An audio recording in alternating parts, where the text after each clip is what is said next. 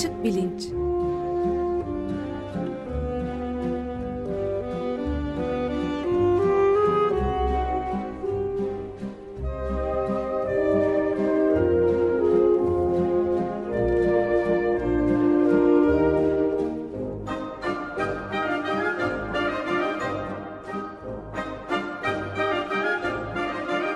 Güven Güzeldere ile bilim ve felsefe sohbetleri. Günaydın Güven Bey, merhabalar. Günaydın Ömer Bey. Günaydın Güven Bey, merhaba. Günaydın Can. Evet, bugünkü açık bilinçte de devam ediyoruz galiba bıraktığımız yerden aşağı evet. yukarı. Evet, alternatif tıp e, konusunu konuşmuştuk. Bugün de alternatif tıbbın içinde yer alan e, belki en büyük sektör homeopatiden bahsedeceğiz. Konuğumuz bu hafta Doktor Işıl Arıcan. E, hoş geldin Işıl. Merhaba. Hoş geldiniz, hoş merhaba. Merhaba, hoş geldiniz. Ege Üniversitesi Tıp Fakültesinden mezun Işıl Arıcan. E, 2007'de Fransa'da bir e, tıp sertifika eğitimini tamamladıktan sonra Amerika Birleşik Devletleri'ne yerleşiyor. 2014 yılından beri Stanford Üniversitesi Çocuk Hastanesi'nde klinik bilgi işlem direktörü olarak çalışmakta.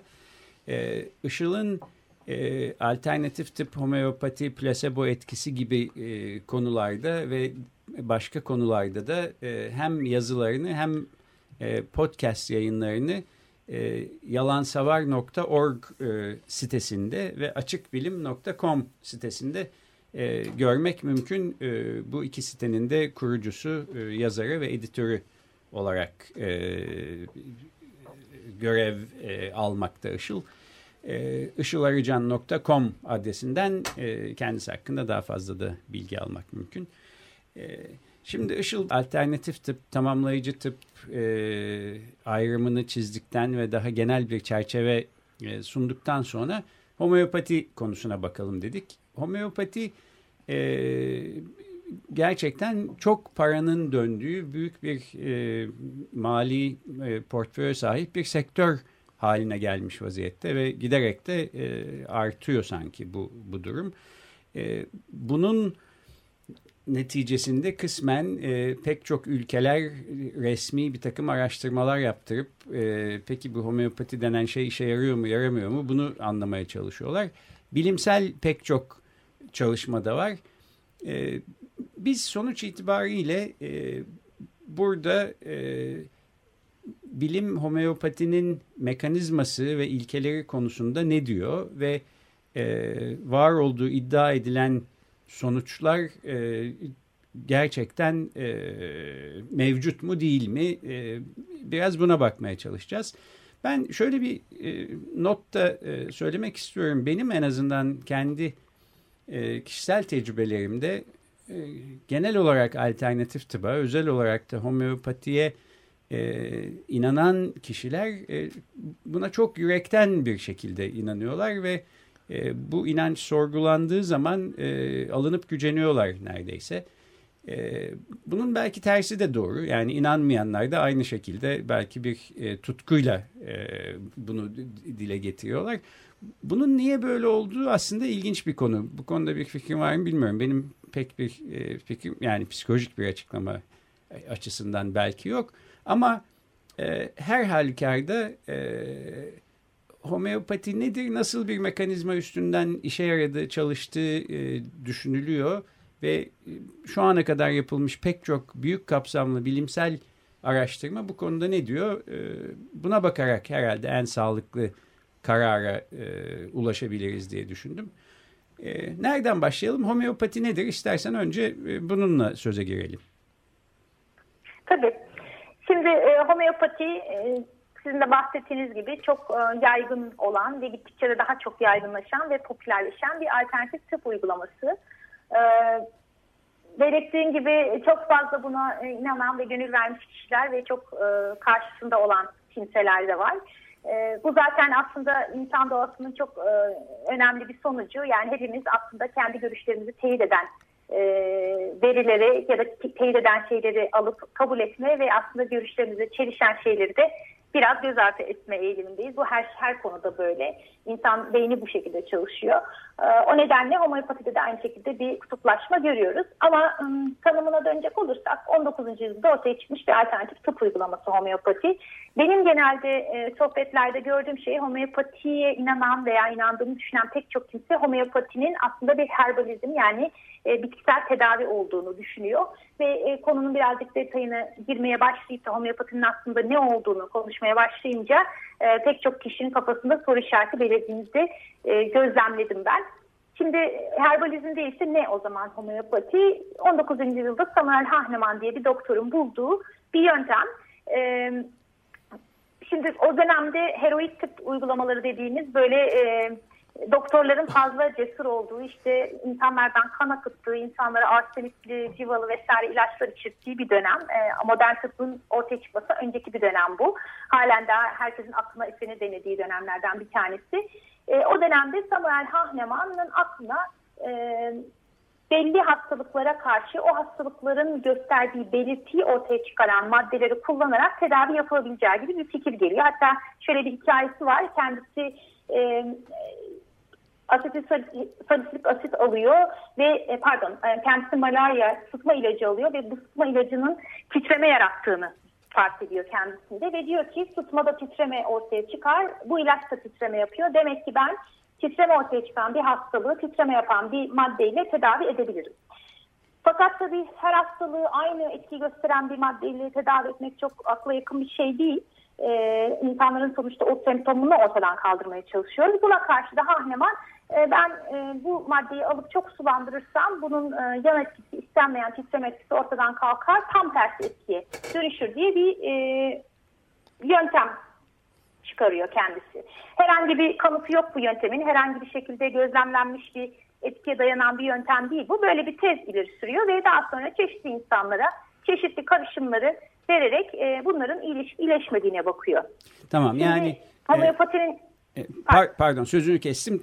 Yalnızca e, tekrar etmek için homeopatinin e, çalışma mekanizması olduğuna inanılan iki temel demek ki ilke var. Bir tanesi e, insanlarda sağlıkla ilgili bir rahatsızlığa sebep olan herhangi bir şey e, aynı zamanda o rahatsızlığı iyileştirecek olan şey.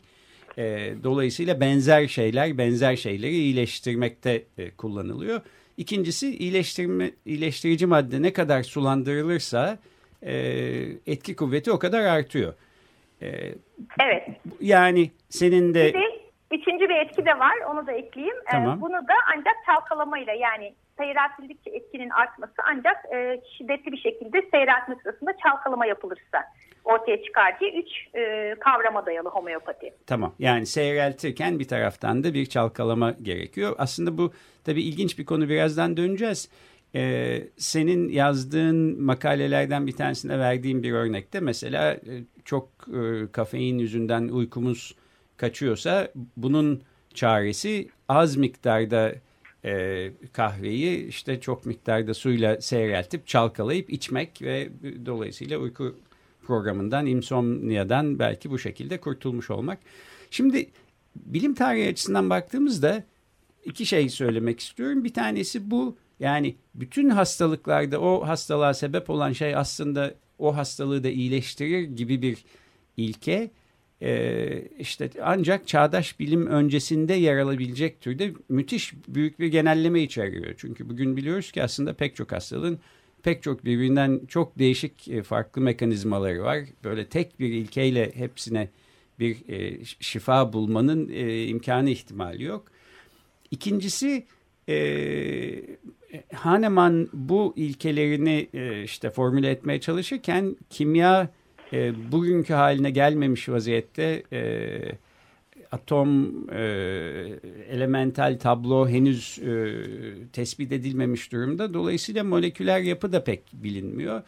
E, bir şeyi e, seyreltip seyreltip seyreltip içinde o maddenin bir molekülü bulunamayacak kadar seyrelttiğimiz zaman e, o maddeden bir etki beklemenin imkanının kalmayacağını da e, bilmeyerek bu e, tezi öne sürüyor Hahnemann.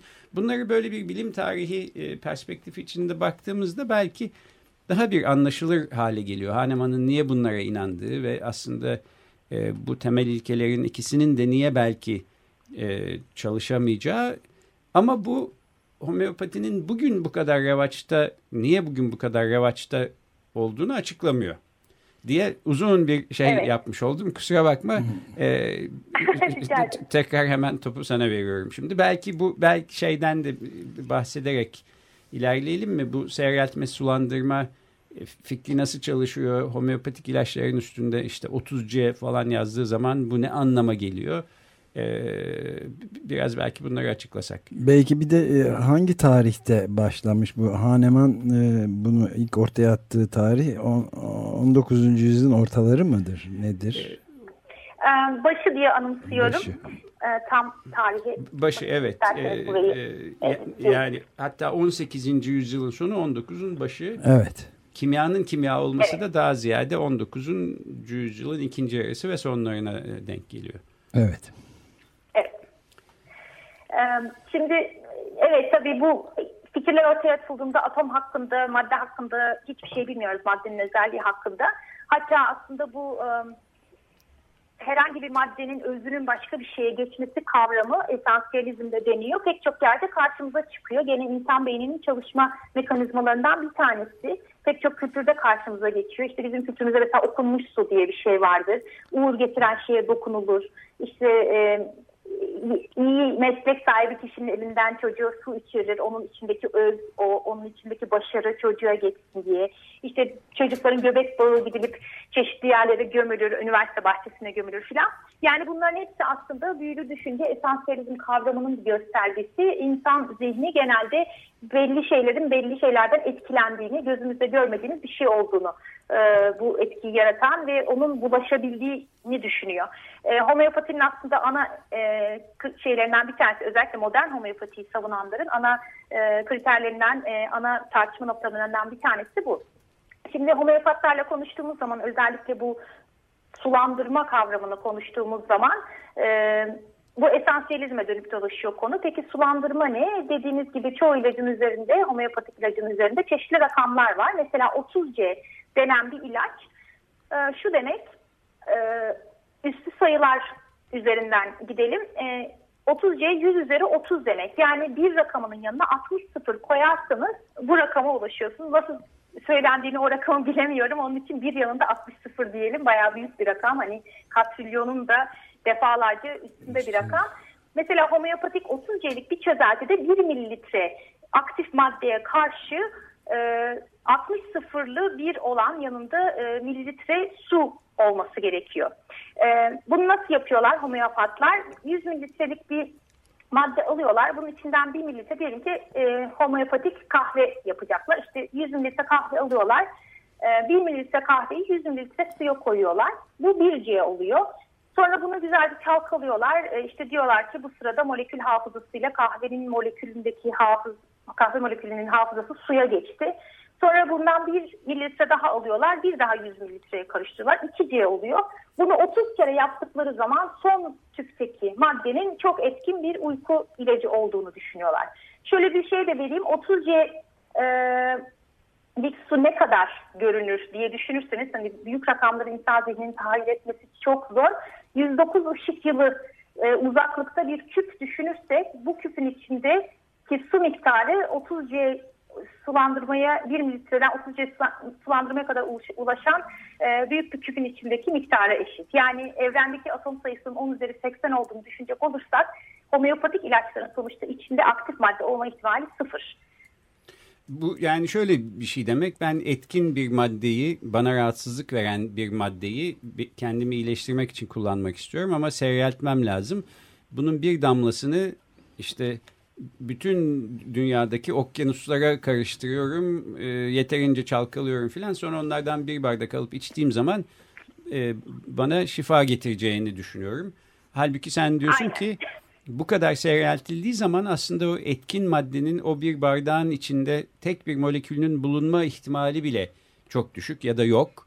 E, dolayısıyla homeopati ilacı içiyorum e, derken ben ve buna bir sürü paralar verirken belki yalnızca su yani içinde bu e, çalışıp çalışmadığı zaten tartışma konusu olan maddenin tek bir molekülünün bile olmadığı bir suyu içiyor olabilirim. Evet, aynen. Hatta e, bazı homeopatik ilaçlar şeker drajeleri şeklinde satılıyorlar.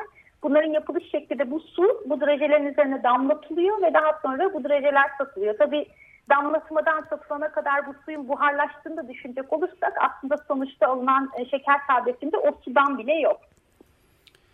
Ee, peki şimdi e, bu konuda ama e, çok iddialı e, çalışmalar daha sonra da çok tartışmalı e, çalışmalar söz konusu. Belki biraz bilimsel literatür ne diyor buna bakalım. Bu mesela Fransız e, Doktor Jacques Benveniste'nin e, iddiaları, e, homeopatinin doğru olduğu ve suyun e, bir hafızası olduğunu e, gösterdiği iddiası, daha sonra bunun yanlışlanması. E, biraz bilim literatürü e, bu konulara ne diyor bunlara baksak? Tabii. E, ben Willis'in hikayesi gerçekten çok ilginç bir hikaye. Çünkü kendisi aslında çok e, e, güven, çok e, geçerli başka çalışmalar imza atmış bir bilim insanı. 1988 yılında Ben Willis'te Nature dergisinde bir çalışma yayınlıyor. Bu çalışmada diyor ki e, homeopatik miktarda seyreltilen antikor solüsyonları e, bazofillere yani kan içindeki bir tür e, aktivar hücresi bazofiller. Bazofillere damlatıldığı zaman bazofillerin antikorlara cevap verdiğini görüyoruz diye bir çalışma yayınlanıyor. Çok tartışma yaratan bir çalışma bu. E, hatta Nature dergisinin editör e, kurulu bu çalışmayı yayını, yayınlayıp yayınlamama konusunda bayağı bir tartışıyor. En sonunda çalışmayı yayınlıyorlar ancak yorum ekliyorlar yayınlarken. Diyorlar ki yani bu çalışma hani şu anda tekrarlanabilmiş bir çalışma değil. E, o nedenle e, biz bu çalışmanın tekrarlanmasını talep ediyoruz. Çünkü çok iddialı bir e, makale gerçekten. E, daha sonra bu çalışma Nature'ın isteğiyle tekrarlanıyor ve tekrar hatta Ben Melisa'nın kendi laboratuvarında tekrarlanıyor. E, tekrarlanırken de çalışmanın metodolojisini gözlemlemek için e, tek birkaç tane daha e, yine otorite olan bu konuda bilim insanı ve e, ünlü skeptik e, James Sandy laboratuvara gidip e, bu çalışmanın nasıl yapıldığına bakıyorlar. Buldukları şey şu, bir kere bu um, bazofillerin antikora cevabını ölçen bir makine veya bir cihaz yok. Bunlar gözle yapılan sayımlar. Mikroskop altında bazofillerin antikora cevap verip vermediğini, işte renk değişiklikleri veya hareket değişikliklerine bakarak kağıda e, veya işte bir ortama e, kaydediyor mikroskopta sayan kişiler. E, bu laboratuvardaki araştırmacıların iki tanesinin zaten maaşını Fransız homeopati firması Dev e, Boiron e, firması ödüyor. Ve e, daha önce de bahsetmiştik insanlar inanmak istediğini görme yetisine sahip. Yani eğer bir şeye gerçekten gönül verdiyseniz gördüğünüz her şeyi ona yorma gibi bir e, zaten meyli var insan zihnini. E, ve şunu buluyorlar, bu araştırmacılar bu e, preparatları sayarken baktıkları preparat, preparatın homeopatik madde mi yoksa homeopatik olmayan kontrol için kullanılan maddeyle mi muamele gördüğünü bilerek sayıyorlar. Yani bu da onların aslında bir nevi şartlanmasına neden oluyor.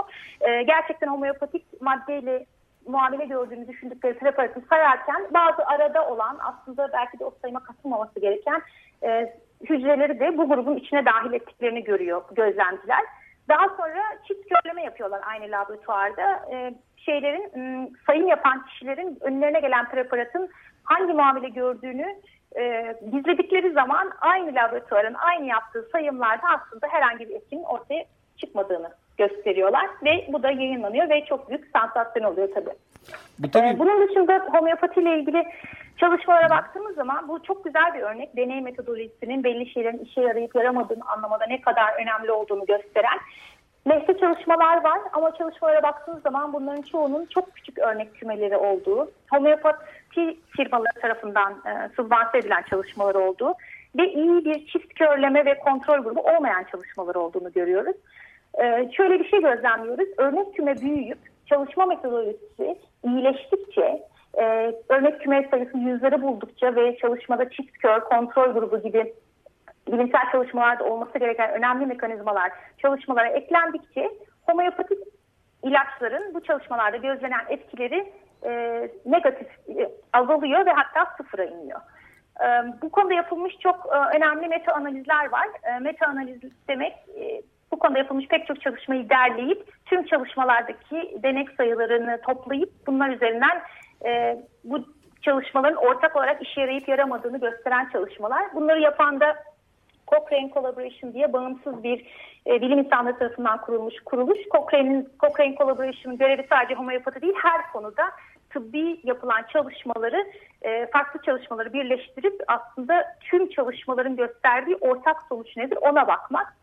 Ve Cochrane'in e, yayınladığı çalışmalara bakarsak bütün büyük çalışmalarda e, ve bütün yapılan meta analizlerde homeopatik ilaçların etkisinin plasebodan farklı olmadığını görüyoruz. E, bu noktada ben de hemen bir soru sorayım izninizle. O da şey e, yani bütün bu bilimde ispatlanmamış, aksi ispatlanmış gibi görünüyor aslında ve hatta hile de var işin içinde işte homeopati ilaç firmaları da belirtmeden belki de hatta bunu destekliyorlar ve araştırmalarda da destek alındığı belirtiliyor mu belirtilmiyor bilmiyorum ama bütün bunlara rağmen insanlarda e, Güven Bey'in sorusuna tekrar dönecek olursak artan bir şekilde de neredeyse artan bir şekilde homeopati merakının da sürdüğü, yükseldiği görülüyor. Bunu nasıl izah edeceğiz? Şimdi burada bence ana akım tıp eleştirisine değinmek çok e, yerinde olur. Çünkü e, bu tip özellikle alternatif tıp yöntemleri birazcık ana akım tıptaki bazı sorunlar nedeniyle insanların daha çok benimsemeye meyilli olduğu yöntemler. Baktığımız zaman e, ana akım tıpta hasta hekim ilişkisinin son yıllarda özellikle gittikçe daha mekanik hale gelmiş olduğunu görüyoruz. Bunun pek çok nedeni var. Hekimlerin e, çok fazla uymak zorunda oldukları kural, regülasyon, almak zorundukları eğitimin uzunluğu, işte çeşitli ortamlarda bakmak zorunda oldukları hasta sayısının çok anormal yüksek olması gibi nedenleri var ama sonuçta hastaya yansıyan kısmı doktora gittiğinizde doktorla son derece kuru bir iletişim kuruyorsunuz ve 5 dakika içinde doktor size ilaç yazıp gönderiyor. Sizi doğru düzgün dinlemiyor bile diye algılıyor insanlar ve haklılar bence bu konuda. Oysa alternatif tıp uygulamalarında e, alternatif tıp uygulayan kişilerin hasta hekim ya da hasta sağaltıcı ilişkisi modern tıp uygulayan hekimlerden daha iyi. Hastayı daha çok dinliyorlar, daha çok soru soruyorlar. Hasta kendini daha iyi hissediyor bu kişilerle konuştuğu zaman. O nedenle bunu daha doğal, daha e, kendilerine yakın tedavi olarak görüp modern tıbbı daha soğuk ve daha mekanik olarak görme eğilimi var ne yazık ki. Hmm. Um, hekimlik eğitimi vesaire gibi e, zorunlu süreçler yanında homeopati ve diğer alternatif tıp e, tedavisi uygulamak çok kolay. Homeopati Derneği'nin sitesine bakacak olursanız 6 haftada Homeopati Derneği homeopati sertifikası veriyor. Hatta bundan mezun olduktan sonra ben kanseri tedavi ediyorum diye homeopati merkezi açmak mümkün ne yazık ki. Ee, ve bu kişiler çok ciddi iddialarla ortaya çıkıyorlar. Geçen gün e, gazetenin bir tanesinde bir haber vardı. Bir bayan e, kanser hastalarını tedavi ediyorum şeklinde bir iddiada bulmuş ve bir gazetenin yarım sayfasında fotoğraflı falan kocaman bir haberdi. Yani bu tip böyle e, abartılı reklam ve promosyon gibi sorunlar var maalesef medyada. Bilim haberciliğinin yeterli olmamasından kaynaklanan. E, ve bu sertifikalar çok kolay oldukça çok fazla insan kendini tabii ki e, lanse etmeye başlıyor. Bir de e, özellikle ilaç firmalarının e, gene tabii daha önce bahsetmiştik çok paranın döndüğü yerlerde olan sıkıntılar bunlar. İlaç firmalarıyla ilgili şüpheler ve sıkıntılar var. E, pek çok ilaç firmasının kendi ilaçlarını sattırmak için yaptığı e, e, aynı bu Benvenista'nın çalışmasına benzeyen yanlış çalışmaları olduğunu biliyoruz. E, etkisiz ilaçlar olmasına rağmen işte patent vesaire nedeniyle işte ilaçlığın etkisi olmadığını gösteren çalışmaların çok da fazla yayınlanmadığını, tam tersi lehine olan çalışmaları yayınlamaya yönelik bir e, yanlılık olduğunu biliyoruz. Bütün bunlar insanların özellikle ilaç firmaları ve modern tıbba olan güveninin azalmasını, e, güven, güven azalmasına neden oluyor ve onları alternatif tıbba yöneltiyor. E, ama tabii ki de en önemli nedenlerden bir tanesi toplumda eleştirel düşünce eksikliği e, genelde eleştirel düşünce eğitimi almıyoruz. O nedenle karşımıza çıkan bir iddiada bu iddianın doğruluğunu biz nasıl teyit ederiz de çok fazla bilmiyoruz. Bilmeyince de e, önümüze gelen iddialara daha çok inanma eğiliminde oluyoruz.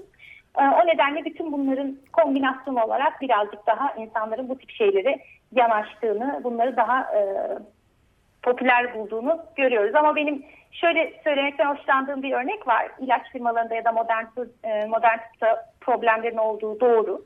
E, hepimiz de bunu kabul ediyoruz. Ama bunlarda problem var diye asılsız tedavilere yönelmek biraz ne bileyim havacılıkta olan problemler nedeniyle hep birlikte uçan halıya binelim demeye benziyor bence. Evet. Evet yani aslında şu soruyu sormuştuk. Alternatif matematik, alternatif fizik diye e, revaçta olan e, bir şey yokken alternatif tıp nasıl oluyor da bu kadar revaçta oluyor diye. Bunun herhalde cevaplarından birini şimdi şöyle verebiliriz. E, kuramsal yönü açısından belki alternatif tıp diye bir şeyden bahsetmek pek mümkün değil. Homeopatinin de mekanizmasına baktığımız zaman aslında bir e, etkisi olma imkanı olmayan bir şey e, olduğunu görüyoruz. Öte yandan insanların kendilerini daha iyi hissetmeleri, iyileşmeleri yani işin e, pratik kısmı e, belki tıbbın içindeki alternatif tıbbı destekliyor. Fiziğin, matematiğin içinde olmayan bir yöntem. Şunu demek belki mümkün. E, insanlar kendilerini iyi hissediyorlarsa, iyi olduklarını düşünüyorlarsa hatta gerçekten e, önceki hafta bahsettiğimiz plasebo etkisi nedeniyle e, bazı durumlarda iyileşiyorlarsa e, homeopatik ilaç olduğunu düşündükleri şeyleri alsınlar. Bu tür alternatif e, tedavileri kullansınlar. Sonuçta kendi özgür iradeleriyle yaptıkları bir iştir. Bunu demek mümkün ama senin de Işıl anlattığın gibi aslında pek çok e, sorun barındıran bir düşünce bu. 6 aylık bir sertifikayla e, kanseri, AIDS hastasını tedavi ettiğini düşünen insanlar, ke kemoterapiden vazgeçin biz sizi iyileştirelim diyenler e, yasal bir çerçeve içinde e, yıllar süren tıp eğitimi sonucunda e, bir şeyler yapmaya, insanları sağaltmaya çalışan doktorlarla aynı düzeyde gibi e, gözüktükleri zaman e, ciddi bir problemle karşı karşıya yız demek oluyor. E, böylece bir özetlemeye çalışmış olayım. Vaktimizi de bitirdik. Son bir e, bitiriş cümlesi e, varsa onu senden alalım. Tabii ki.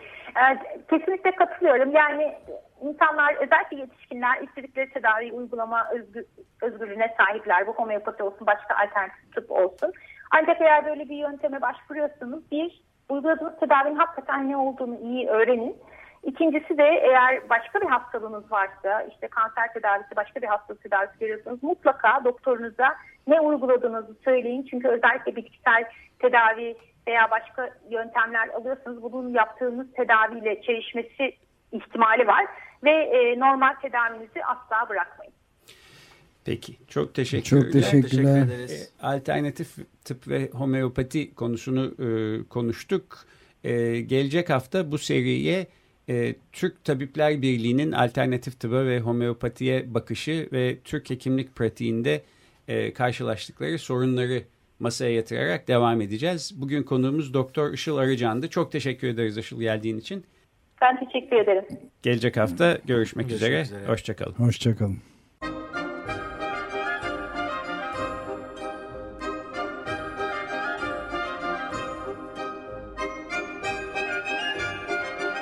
Açık Bilinç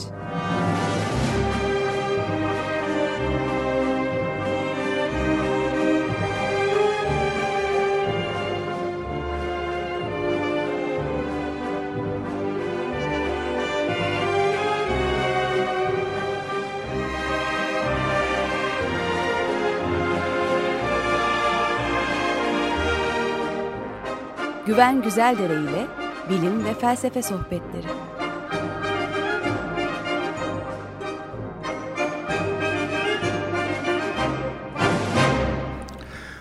Açık Radyo program destekçisi olun.